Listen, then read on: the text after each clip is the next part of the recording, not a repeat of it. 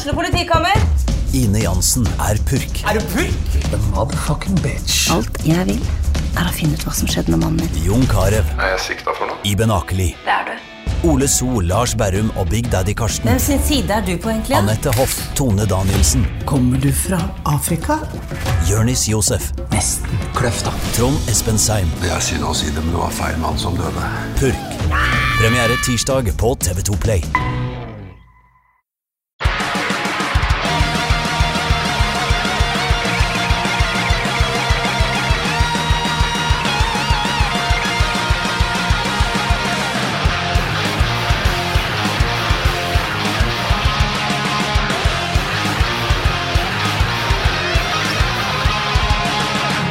Hei, og velkommen til en ny episode av Debrif med Dag. Omsider, lenge siden sist. Det er jo eh, over to uker siden Gladkuk-episoden kom ut, og jeg var en gladkuk da. Jeg var en gladkuk fredag for to uker siden fordi sønnen min var på bedringens vei etter mange, mange, mange uker med feber. Eh, helga var fin, og så ble han sjuk igjen den mandagen. Og ja, på grunn av alt det, som har, det styret som har vært eh, i den forbindelse, så følte jeg rett og slett ikke for å for å lage noe podkast. Så det er grunnen. Men eh, det som skjedde, var at vi måtte jo fære tilbake til legen igjen, og så Altså, jeg, jeg pleier å ha det, det er jo faen meg det, det her har føltes som å være med i en Kafka-prosess til tider. Jeg, jeg pleier å ha en sånn gjennom eh, Hva det heter Reoccurring. En sånn drøm som kommer tilbake om at jeg er på vei til flyplassen og bare aldri kommer frem. Jeg tror det er en ganske sånn typisk drøm å ha hvis du stresser med et eller annet, men, men, eh, men det, det her har tidvis føltes som den drømmen, eller marerittet. Fordi um, vi fikk omsider da en henvisning videre fra, fra fastlegen, hvor han sa jeg klarer ikke å finne ut hva som feiler sønnen deres, så dere må til en, eh, en barnelege, en spesialist. Så vi får en henvisning videre, og, eh, og, eh, og fastlegen sier at eh, jeg sender den her i morgen, men du må bare ta og ring dem. Straks de har fått henvisninga, så kan du ringe dem og mase litt, for jeg vet ikke hvor lang ventetid det egentlig er. Så jeg gjør det selvfølgelig dagen etterpå. Jeg ringer og maser og får beskjed om at jeg snart vil høre ifra dem. Og så ringer de senere på dagen, og jeg blir så jævlig glad, for jeg tenker nå får vi en time. Og da ringer den her eh, klinikken for å si at eh, vi takker nei til henvendelsen. Fordi det her er en hastesak, og vi har ikke ledig time før ut i mai. Så sier de så da må du kontakte fastlegen din og få han til å henvise deg videre til den andre. Og det er jo, da er du faen meg på gråten. Så jeg tar kontakt med fastlegen igjen og sier nå må du faen meg, du må få oss videre fortest mulig, og han fikser det umiddelbart og få, skaffe oss en henvisning til eh, barneavdelinga på Ullevål på den fredagen, som da blir fredag for ja, hva det blir, ei og en halv uke siden. Så da kom vi omsider dit, og det var ei nøye utredning. Eh, Vi var vel der i seks timer, og de tok alle prøver mellom himmel og jord. Det, det, var, det, var, det var piss og drit og snørr og tårer. På et eller annet tidspunkt tenkte jeg de blir å stille sønnen min opp foran et speil for å se at han har refleksjon, bare for å utelukke at han ikke er en vampyr. Fordi eh, de gikk grundig til verks. Eh, Men de starta jo med Altså for hun, eh, hun Barnelegen hun får jo bare et skjema med her er testene som er utført, og vi vet ikke hva som feiler han, så hun må jo, hun må jo bare utelukke de mest eh, Altså, det er jo egentlig det de gjør, de har bare en lang liste med potensielle ting som kan feile og så må de bare stryke, stryke det av lista etter hvert. Så det første de må gjøre, er å prøve å finne ut hvordan har ungen det hjemme. Er det, har han det dårlig hjemme? Mistrives han på skolen? Og både, altså, det var, dama, jeg og fruen var jo der begge to, så de begynner jo liksom å spørre oss om eh, hva jobber dere med, og hvordan er livet? Og først så ble jeg akkurat så jeg var liksom på defensiven, for jeg skjønner jo hva det er som foregår. Men så tenkte jeg faen, nå må du bare ta et steg tilbake og være glad for at de gjør så her grundig arbeid. Og det er jo bra at de stiller denne typen spørsmål, fordi jeg tipper det er mye faenskap som blir, som blir avdekka. Um, men ikke sant, jeg måtte jo bare holde kjeft, for av og til så jeg hvor hun var på vei, og så er det sånn ja, hvor ofte den der med feber han, På et eller annet tidspunkt så holdt jeg på å si du, det er ikke noe Münchhausen by proxy-greier, det her. Men så tenkte jeg, hvor, da blir hun og lurer på hvorfor i faen vet du hva Munchhausen by proxy en gang er for noe. Da må, skal jeg begynne å forklare da at jeg er sånn som dvergen i, i, Game of Thrones. Jeg drikker og jeg vet ting. Eh, det ville jo ikke hjulpet. Så vi bare svarte på, um, svarte på en, en, ordentlig måte, og straks hun skjønte at uh, Sander hadde det bra, at det ikke var noe At det her er fysiske årsaker til at han er, han er sjuk, så kunne vi jo komme oss videre. Nå spurte hva, hun lurte på hva vi jobba med og jeg sa standup-komiker, så var hun sånn Å ja, da må jeg tydeligvis følge bedre med, for det har jeg aldri hørt om det. Og jeg tenkte det er helt greit at du ikke har hørt om det. Men så spurte hun Sander er pappa morsom, og han dro på det. Han var sånn nei, nei, han er jo ikke det. Jeg bare hva faen er det du prater om? Hvis faen er jeg det? Det er jo derfor du sparer alle mot én-episoder hvis deltakerne er skikkelig irriterende. Da har han sagt at han vil se dem med meg fordi det er morsomt når jeg kjefter på dem. Men um, men ja, så de, de tok alle prøver de himmel og jord, og eneste, den eneste prøven han ikke klarte å eh, ta der og da, var driteprøven, fordi det er vanskelig å drite på kommando. Så den måtte vi ta eh, Den prøven måtte vi ta hjemme. Vi fikk med oss eh, noe glass og noen kopper og ditt og datt, og jeg gjorde umiddelbart en avtale med dama. Jeg sa hvis, hvis du fikser hvis du får drit over på de glassene, så skal jeg dra tilbake til Ullevål med dem. Fordi de sa at det, det her var en fredag da, og det kommer ikke til å bli gjort noe med de prøvene før på mandag. Men sånne ting henger over meg, så jeg, jeg klarer ikke å slappe av før jeg har det unnagjort. Så jeg, når vi kom hjem, så bare maser jeg på Sander. bare, Skal du ikke drite snart? Pass på. Husk å ikke gå og drite uten å si noe til oss først. Så i løpet av kvelden så fikk han ut noe, og jeg dro og leverte det på, på Ullevål. Men vi hadde jo de, de, de glassene, vi hadde i tillegg masse, eller flere papirer som vi skulle levere med avføringsprøvene. Og um, altså, et av de spørsmålene som hun spurte tidlig, var jo om, um, om uh, vi har vært noe i utlandet i det siste. Så jeg sa nei, ikke siden i fjor sommer, egentlig. Og ja, fruen og Sander var en tur i Danmark i januar, men så begynte vi å prate om det, og så skal vi se Faen. To sek. Telefonen ringer. Ja, beklager pausen. Det var Eller, dere har jo ikke hatt noen pause. Det var min mor som ringte. Først hun sier du driver og spiller inn podkast. Jeg bare ja, det gjør jeg, morsan. Hvorfor ringer du når du vet det? Men jeg husker ikke hvor jeg var hen. Uh, jeg prata vel om uh, om utredning Jo, du, det var det. Um, for det var liksom snakk om utenlandsturer det der. Og da så sier jeg, jeg ja, så var jo jeg i Kasakhstan en tur for å jakte på svartedauden. Og så sier hun sånn Å ja, nå var det ja, Nei, det var det er nesten et år siden. Men så så jeg på de papirene som, vi, som jeg leverte sammen med, med driteprøven, så hadde hun skrevet inn ekstra at jeg måtte se etter Yersinia-bakterien. Og jeg bare Yersinia? Fuck! Det er jo Yersinia pestis er jo svartedauden. Og det hadde jo vært, Jeg fortalte jo det her til Sander, og han syntes jo det hadde vært dritkult hvis han hadde gått med svartedauden i et år uten å stryke med. Men nå googla jeg Yersinia-bakterien, og det viser seg det er jo tre forskjellige typer av den bakterien. En av dem er svartedauden, de to andre er mer vanlige um, og kan ofte smitte fra annet hunder til mennesker. Hvis, uh, hvis Morty Dog har vært og gnaska litt på en død rotte eller et eller annet faenskap, og så sleika Sander i trynet, så kan det være, kan det være nok til at han er til at han har blitt sjuk. Fordi eh, svarene kom jo omsider tilbake etter altså Vi fikk beskjed om at dere får vite det her i løpet av i løpet av um, første halvdel av neste uke. Altså første halvdel av forrige uke. Men vi hørte ikke noe, så på torsdags morgen så ringer jeg jo for å mase og få beskjed om at ok, legen vil ringe deg i løpet av dagen. Det gjorde hun ikke, og jeg klarer ikke å fokusere på en annen, så jeg går jo bare og venter på at hun skal ringe tilbake. Hun gjør ikke det, og så ringer jeg på fredag og sier at jeg ringte i går, jeg hørte ikke noe, men nå skal jeg ut og reise, så hvis dere ringer etter klokka da og da, så er jeg på et fly, da må dere ringe fruen i stedet. Og ja, når jeg landa i Trondheim da på fredag, for jeg var i Trondheim på fredag, så, så, ringer, så ringer, fruen og sier at hun har pratet med legen, og de fant ingenting. De fant ingenting på alle tider. Hun sa de i ti minutter gikk legen igjennom svarene på alle de testene de har tatt, og, um, og røntgen og ditt og datt, og det, det var ingenting. Så legen har sagt det her var, har mest sannsynlig vært et eller annet kraftig virus som nå er ute av kroppen, og derfor kan de ikke, kan de ikke spore det.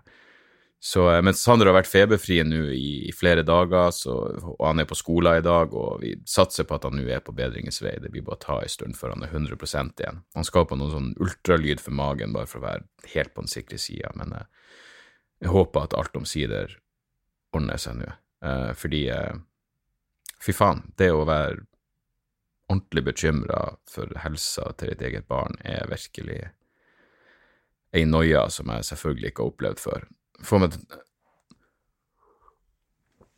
Jeg husker ikke hvem som sa det, eller hvor jeg leste det, men noen som sa noe sånt som at hvis de hadde visst på forhånd hvor glad de kom til å bli ungen sin, så er det ikke sikkert at de ville Hvis de kunne vite det på forhånd, så ville de kanskje revurdert det å få barn i det hele tatt. Og jeg skjønner den tanken veldig godt.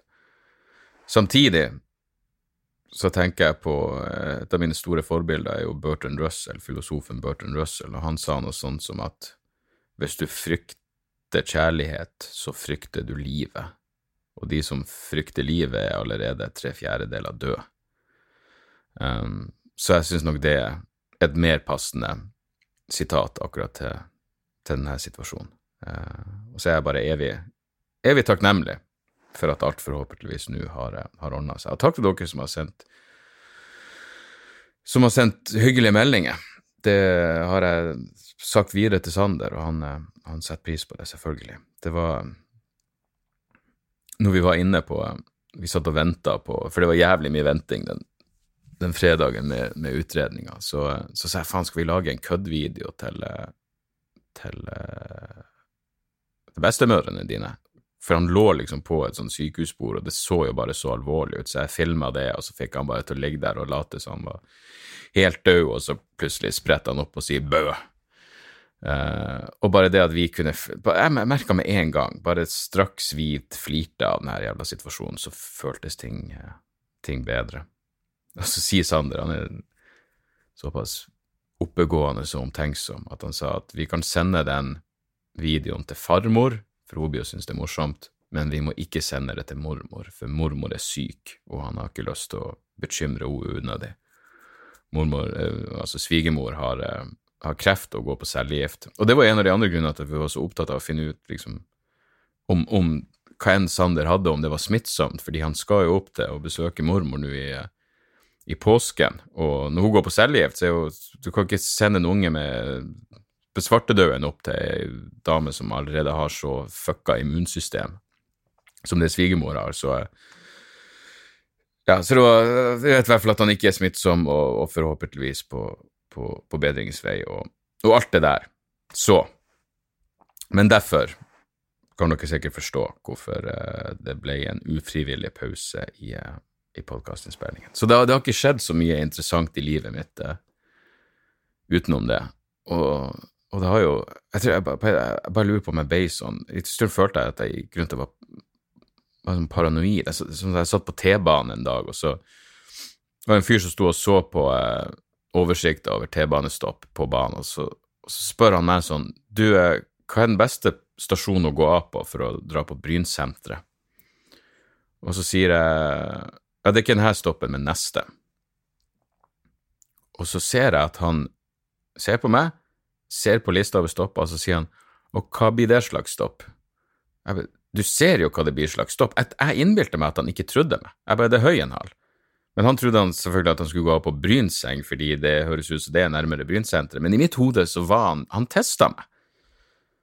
Han trodde at jeg bare fant på Nei, det er stoppen etter neste, som jeg ikke ante hva faen han prata om.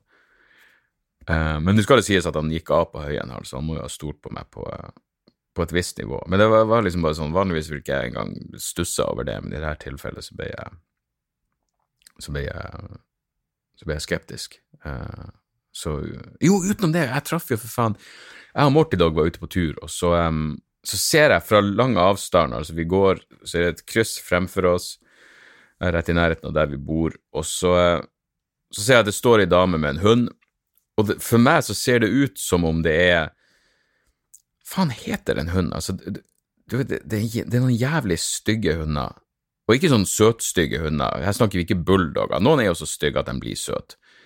men de her hundene er bare jævlig stygge. Uh, etter mine estetiske preferanser ser de stygge, for hodet deres ser ut som en sånn jævla hammerhai Ser ut som en hammerhaihund.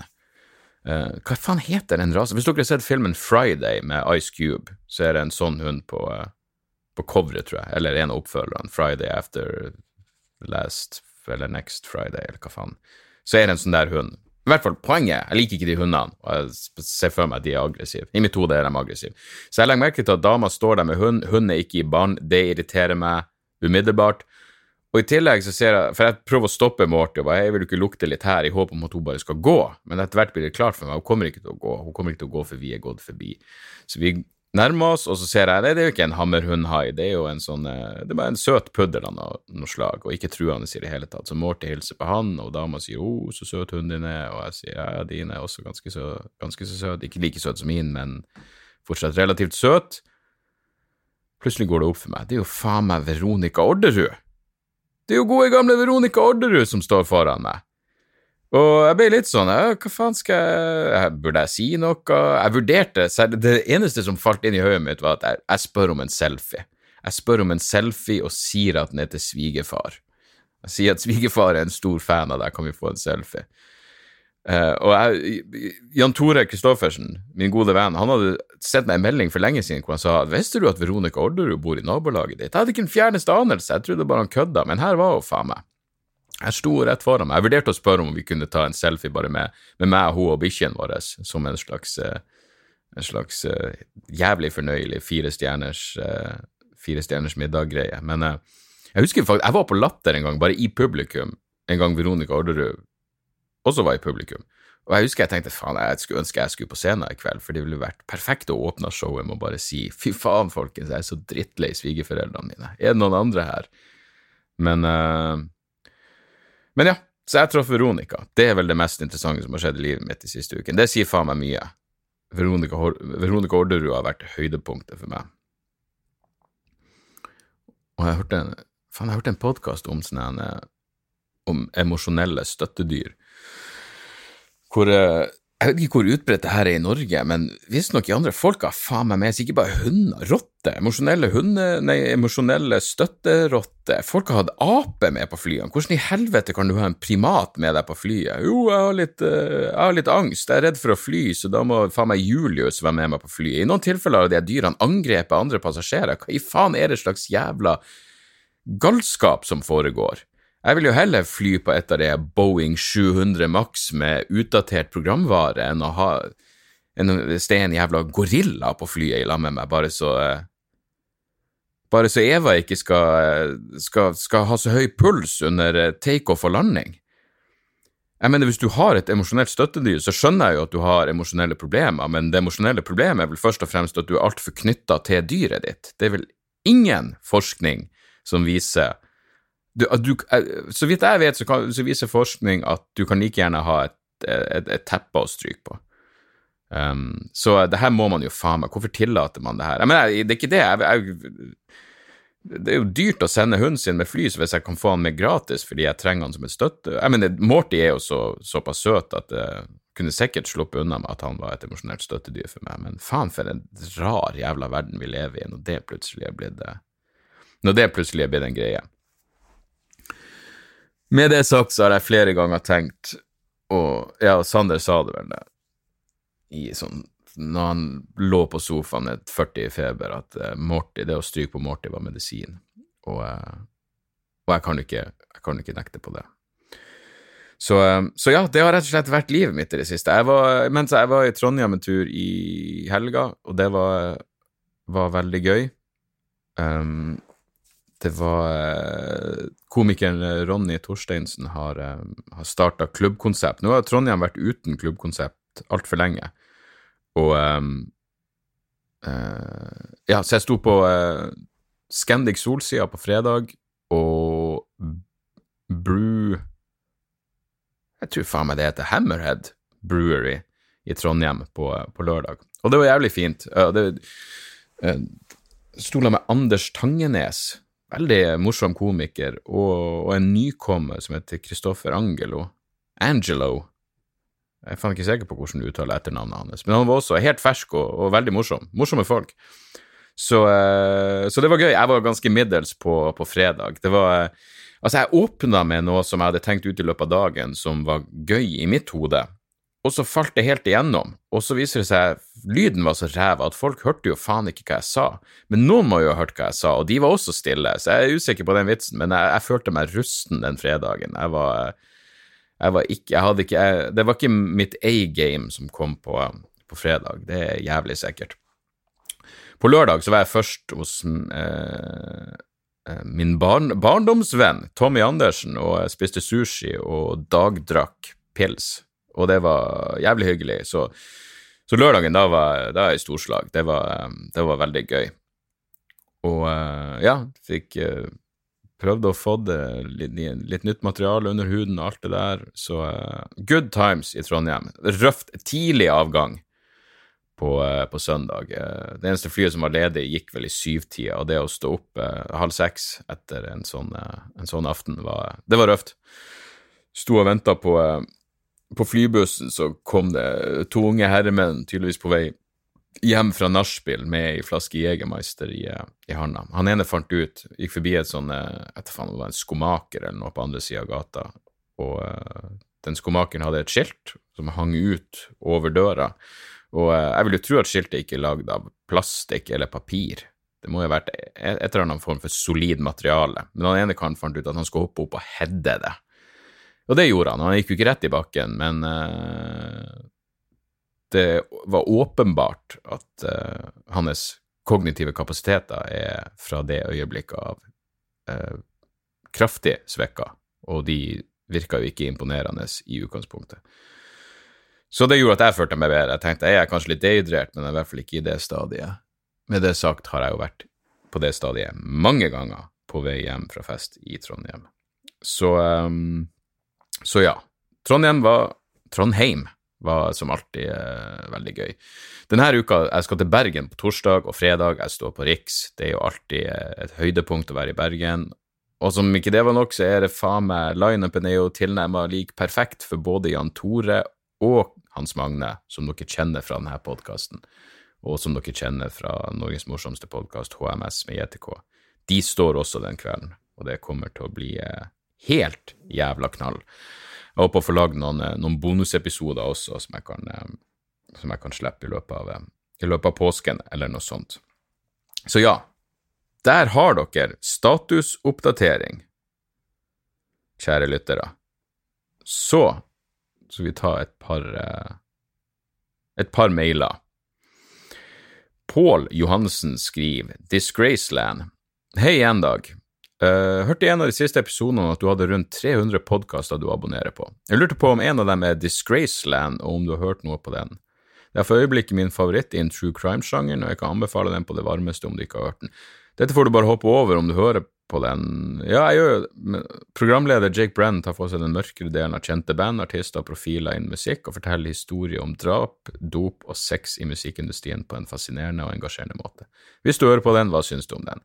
Jeg har hørt et par episoder. Uh, jeg hørt den om GG Allen, fordi GG Allen er jo evig fascinerende. Hvem vil ikke ha en uh, overvektig mann med mikropenis som står og gnur seg inn i sin egen avføring? Det er jo Og så har jeg hørt den om Kurt Cobain. Og Begge episodene er bra. Det eneste jeg ikke liker, er at jeg syns uh, programleder Jake av og til tror han er inni hodet på folk han umulig kunne vært inni hodet på. Jeg mener, hvordan kan han vite hva som gikk gjennom hodet på Kurt Cobain når han satte seg et skudd med heroin? Det kan han umulig vite. Så, så det irriterer meg litt. Men, men, utenom det så er det, så er det en fin podkast, det. Absolutt. Så har vi Her er jo faen meg en hel avhandling. Venner eller jobb? Anonym, med store bokstaver. Det står anonym i emnefeltet, så vet du at denne personen vil ikke brukes med navn. Hei, Dag. Jeg vil i aller høyeste grad være anonym. Jeg har et problem vedrørende mine studievenner.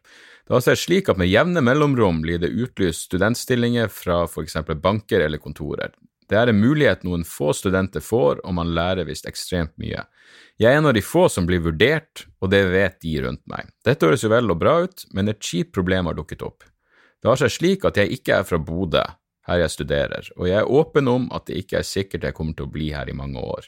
En del i klassen med opprinnelse fra Nordland mener det er frekt og uetisk at jeg tar jobben, jobben fra en av dem, når jeg like så godt kan forsvinne om to år. Jeg informerte arbeidsgiver om dette, noe de ikke bryr seg om, siden jeg kan bli overført til kontoret i Stavanger hvis jeg skulle ønske det. Argumentet til mine venner er at det er så få sånne jobber her i Nord-Norge i forhold til Østlandet, så en nordlending burde få jobben. De er faktisk redd for at vi østlendinger skal komme og ta jobbene. Det er helt fucka. Jeg har sagt de kan, at de òg kan flytte til Oslo etter endt utdannelse og har like mye rett til en stilling der som meg. Selv er jeg ikke fra Oslo, jeg er fra en liten bygd i Østfold, så jeg skjønner ikke dette argumentet med Oslo. Alt er bare rart. Hele greia har blitt til en jævla konkurranse i rævsleiking og backstabbing, og det gidder jeg ikke. Så hva er rett, venner eller jobb? Jeg skal jo tross alt gå universitet her i minst to år til. Noen burde lage et drama av dette. Du, Mr. Anonym, det her er jo faen meg no-brainer av dimensjoner. Venner eller jobb, hvordan i faen kan det her være vennene dine? De høres jo ut som grusomme, patetiske dildoer, alle som en. For det første, hvis du er åpen med arbeidsgiver om, om at du ikke kommer til å være der i en evighet, hvorfor i faen skulle dem ha et problem med at du tar jobben? Er det fordi du er bedre og bedre kvalifisert? Og hvorfor i helvete er det sånn at bare fordi du er fra Nordland, så må du være i Nordland eller ha krav på en jobb som er i Nordland? Det her er jo det her er så regionalt og ynkelig som du får det, så fuck de her folkene. Og jeg kan love deg, det finnes mye hyggeligere folk i Bodø. Jeg elsker Bodø, og jeg har truffet masse knallfolk der, så bare, bare ditch de her jævlene, de høres jo helt forbanna grusomme ut. Og hvorfor er det ingen av dem som vurderer å flytte på ræva si? Hvis det er for lite jobber der du bor, hva med å flytte, da? Jeg skjønner ikke den ene Gud, altså. Hvor jævla, jævla ynkelig. Hvis du er en av de få som blir vurdert, så er det vel fordi du er bedre kvalifisert.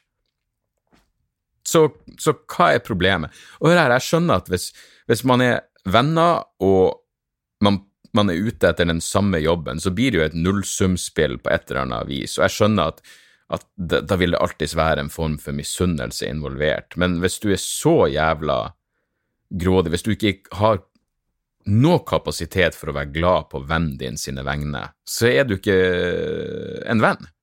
Så enkelt er det jo. Ja, nei, drit i de her folkene, altså. Det høres jo ut som grusomme mennesker, og uh, patetiske mennesker. Fuckings, bli bedre til jobben din, så får du vel jobben. Eh, det her burde jo inspirere dem til å faen meg prøve å konkurrere litt hardere.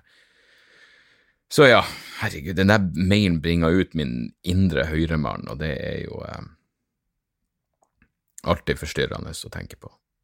Uh, det er mye greier her, men noen av dem er så jævla lang. La oss ta den her av Gabriel. Hei, Dag. Først vil jeg bare si at jeg synes du er Norges desidert morsomste komiker. Kognitiv dissonanse er et show jeg kan se om og om igjen. Takk, sør. Og bare for å si det, ja, vi driver fortsatt og prøver å finne den jævla digitale plattformen for demokratishowet. Vi, det bør komme rett over påske uh, bli tilgjengelig. Jeg har lyst til å bare få det ut nå, så dere kan se det. Um, så det, det, ordner seg forhåpentligvis i løpet av kort tid. Uansett, tilbake til Gabriel. Jeg er 19 år og går siste på dramalinja på Nissen. Digger det, og digger folket jeg går med. Men det er en ting som plager meg litt. Vi Oslo-ungdom har blitt så jævla politisk korrekte. Det er umulig å komme med en bare litt på kanten joke, og det begynner å gå meg på nervene. Spesielt når standup og humor til og med er en del av pensum. Jeg er brun og homo, og hvis jeg tuller med min egen hudfarge eller legning, så blir det dårlig stemning, og jeg får kommentarer som det er altfor drøyt og bla, bla, bla. Uansett så er spørsmålet mitt truer politisk korrekthet humor som sjanger, og har du håp for yngre generasjoners evne til å ta en spøk? Det hadde vært gøy å høre din mening om dette.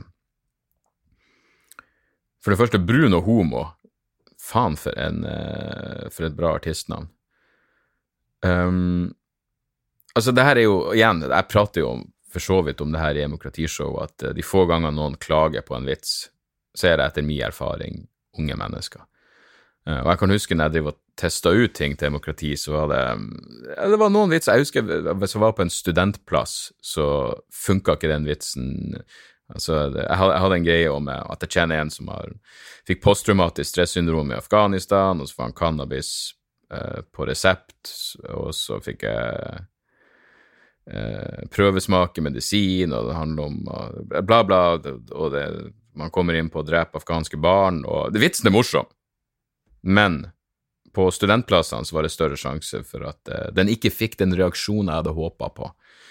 Uh, om det har spesifikt med alder å gjøre, det, det vet jeg ikke. For det er når du sier altså, en litt på kanten joke, ja, hvis du kanskje Det er jo en mulighet for at vitsen bare ikke er morsom, ikke sant? Du kan jo, Bare fordi du vitser om et på kanten tema, så er det jo ikke per definisjon morsomt av den grunn. Det må jo være en bra vits i tillegg. Men, men nei, jeg tror ikke politisk korrekthet truer humor i Norge. Av og til Jeg mener, det her er jo en evig debatt i USA, og vi importerer så mye kulturelt fra USA at av og til tror jeg bare vi, vi importerer uten å reflektere rundt det, problemstillinger som egentlig ikke er aktuelle i Norge ennå. Så, så jeg, jeg, vet ikke. Jeg skulle gjerne sagt at det var sånn. Det ville vært sånn der bedre for meg hvis det føltes som det var et klima hvor 'Å, jeg kan ikke si det'. Uansett, du kan jo si nøyaktig hva faen du vil, og så får du bare ta reaksjonen innover deg. Uh, men igjen, jeg har jo dere, mitt publikum, og uh, dere er jo såpass uh, oppegående og reflektert at det her er i det store og det hele ikke et problem for meg. Men jeg merker det jo når jeg reiser rundt og gjør show med masse andre komikere hvor ingen er der for å se meg spesifikt, at uh, det er ikke bestandig. Og det er mulig jeg har nevnt det her før, men da jeg, da, jeg, da jeg, var på, på turné i fjor, så så prata jeg jo mye om det at, uh, at Chomsky dog og svigerfar døde med en dags mellomrom, og den vitsen var gøy. Um, og det funka hver kveld når jeg på, på Når jeg reiste rundt med demokrati, så åpne, pleide jeg å åpne med den vitsen. Den kom ganske tidlig i showet. Og så måtte jeg steppe inn for noen på et show i Oslo på Edderkoppen med en masse forskjellige komikere, og ingen var der for å se meg, og jeg gjorde den vitsen, og den fikk null respons. Og da tenkte jeg wow, så interessant. Men uh, det er derfor jeg er glad at jeg har mitt eget publikum, som vet hva de går til. Så, um, så ja, i det store og hele tror jeg ikke det er et problem. Uh, det er ikke et større problem enn man velger å la det være. Så der var vi på over en halvtime. Jeg skal prøve å rappe opp det her. Jeg har noen tips. Uh, jeg har jo sett på ting. Jeg så The Disappearance of Madeleine McCann, serien på Netflix. Fordi det er akkurat så Fordi jeg har vært uh, ganske uh, og, og, generelt vært bekymra, så, så vil jeg akkurat si jeg har ikke lyst til å se ting som jeg har gleda meg til. Jeg har ikke lyst til å se ting som jeg virkelig vil se, fordi jeg vil spare det til, til livet er, er, bra igjen. Uh, så jeg har for eksempel ikke sett The Dirt-filmen uh, enda, men jeg så The Madeleine McCann-serien på Netflix, og, fordi det er jo bare gjennomført deprimerende og alltid bra å se at noen har det verre, ikke sant. Og den er jo Fy faen, jeg kan huske når, når, når den saken pågikk i 2007-2008, jeg tror jeg vitsa om det da, at uh, jeg, For det, igjen, når det var snakk om at foreldrene kanskje var sto bak, at foreldrene hadde tatt livet av ungen sin og, og prøvd å skjule det, så husker jeg tenkte nei, det tror jeg ikke noe på, helt til jeg så dem var i Vatikanet og sto og nussa paven på nevene. Da tenkte jeg ok, det er faen meg mulig at de her folkene har bokstavelig talt skjelett i skapet.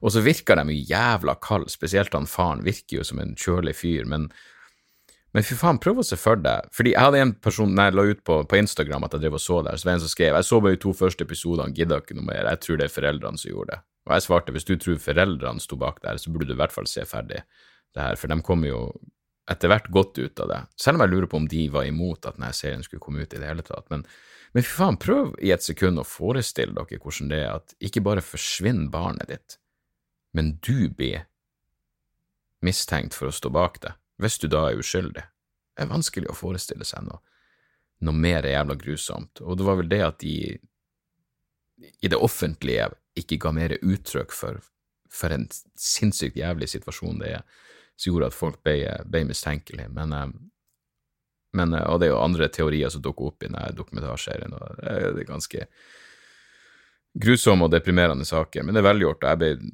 jeg kom skikkelig inn i det etter hvert. Um, og så så jeg Green Book-filmen, uh, som vel var Oscar-vinner i år, beste film, eller i fjor, eller nei, i år. Ja, uansett. Bra film. Uh, feel good som faen.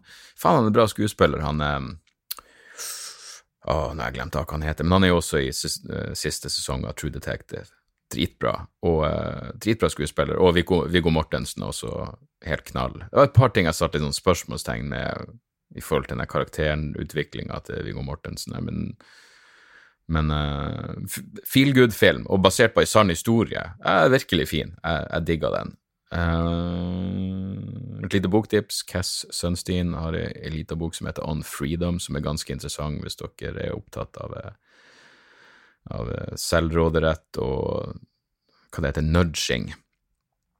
For det, jeg syns det kan de kalle det fine begrepet, er jo eh, valgarkitektur. Altså sånn som når du er på butikken, og hvorfor er det bestandig godteri som er rett med kassa, så, så du skal gjøre et impulskjøp av godteri når du allerede står og legger andre ting på, på båndet der. Uh, det kunne like gjerne være frukt eller et eller annet sunt. Det er nudge, altså hvis du, det er nudging, ikke sant. Du prøver å påvirke folk til å ta et valg i en viss retning. Og jeg syns det er et ganske interessant tema. Boka er tidvis kanskje relativt tørr, men, uh, men verdt å sjekke om den type ting fascinerer deg.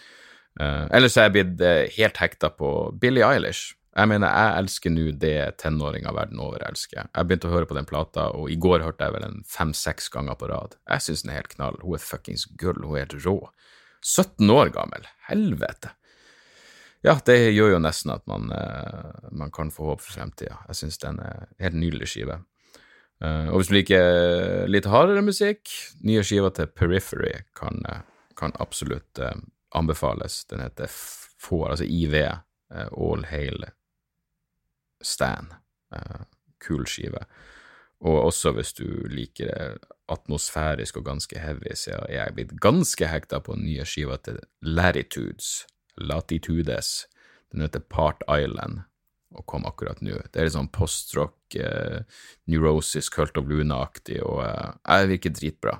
Det er vel verdt å sjekke ut. Og så, på lørdag, på hotellet, så så jeg omsider Nate Bergetzi sin net, nye Netflix eh, som vel heter The Tennessee Kid. Jævlig bra. Jeg digger han. Jeg elsker han. Jeg ble, ja, igjen, jeg ble sånn sugd inn i det. Det skal faktisk noe til for at du liksom ukonsentrert ser en time standup på TV, men eh, nei, virkelig bra. Faen for en, eh, for en fin fyr han virker som. Uh, det, var et eller annet som skjedde på slutten hvor jeg tenkte sånn, faen, gikk han tom for materiale her? Uh, så det var liksom Det var et eller annet som skjedde med, med, med flyten der, men de første sånn 40-45 minuttene er faen meg helt knall. Så han er, han er, dritbra. Jeg hadde jo da sett Han har jo en halvtime òg på um, uh, The Standups, tror jeg det heter. Uh, så du, det er to ting med han på Netflix. Men ja, det er virkelig blitt en av mine favoritter nå. Jeg syns han er dritbra.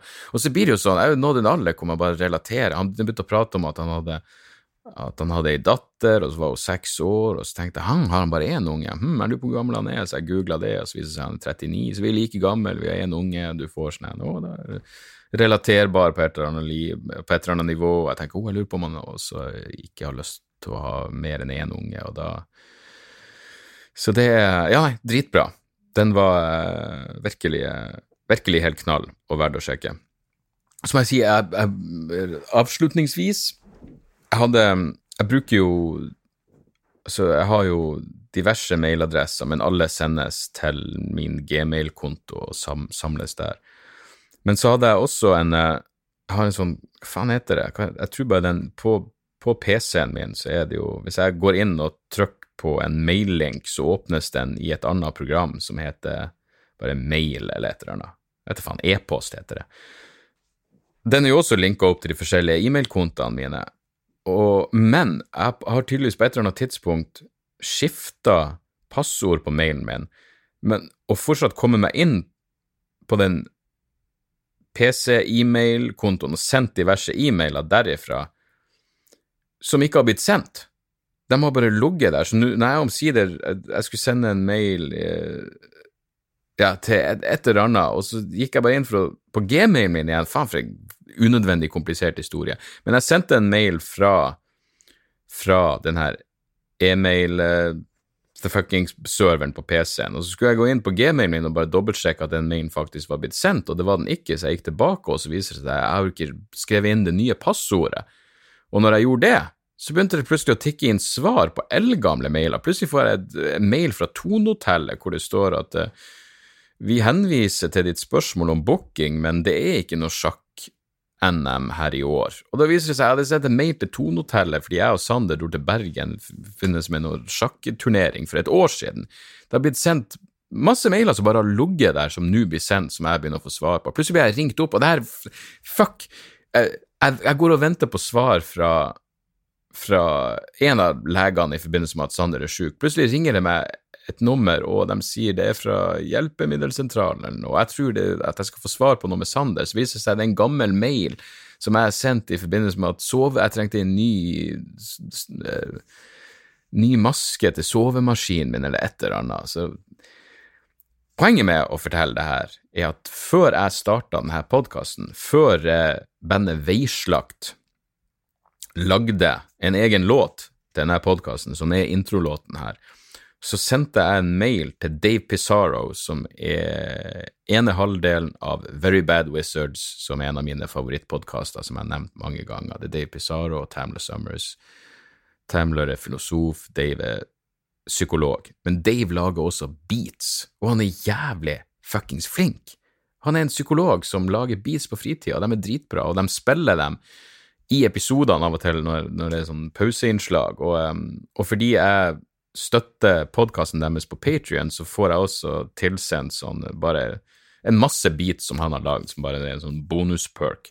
Så jeg sender han i hvert fall en mail da, når, før jeg hadde begynt å lage debrief med Dag, fordi, og spurte han hva du skal ha for uh, Jeg har lyst til å bruke en av beatsene dine som introgreie på, på podkasten min.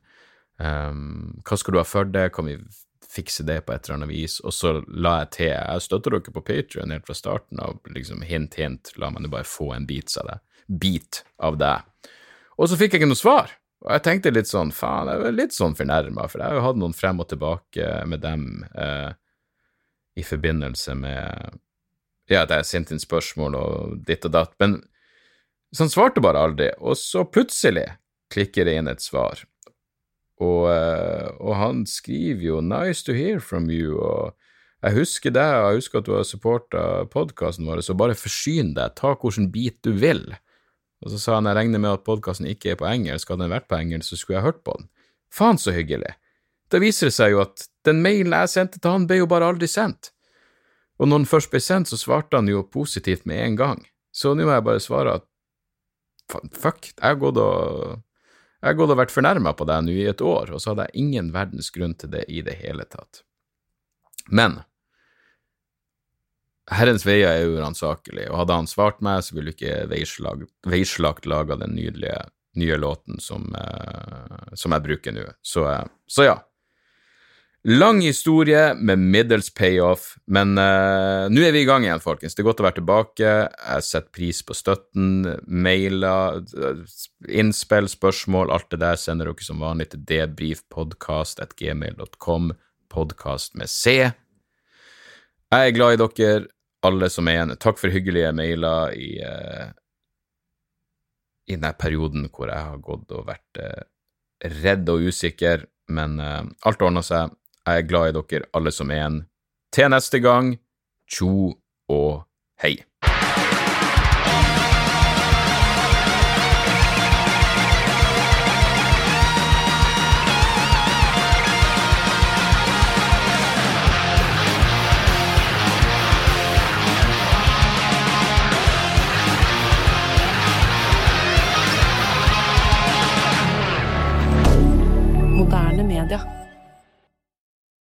Har du et enkeltpersonforetak eller en liten bedrift? Da er du sikkert lei av å høre meg snakke om hvor enkelt det er med kvitteringer og bilag i fiken, så vi eh, gir oss her, vi.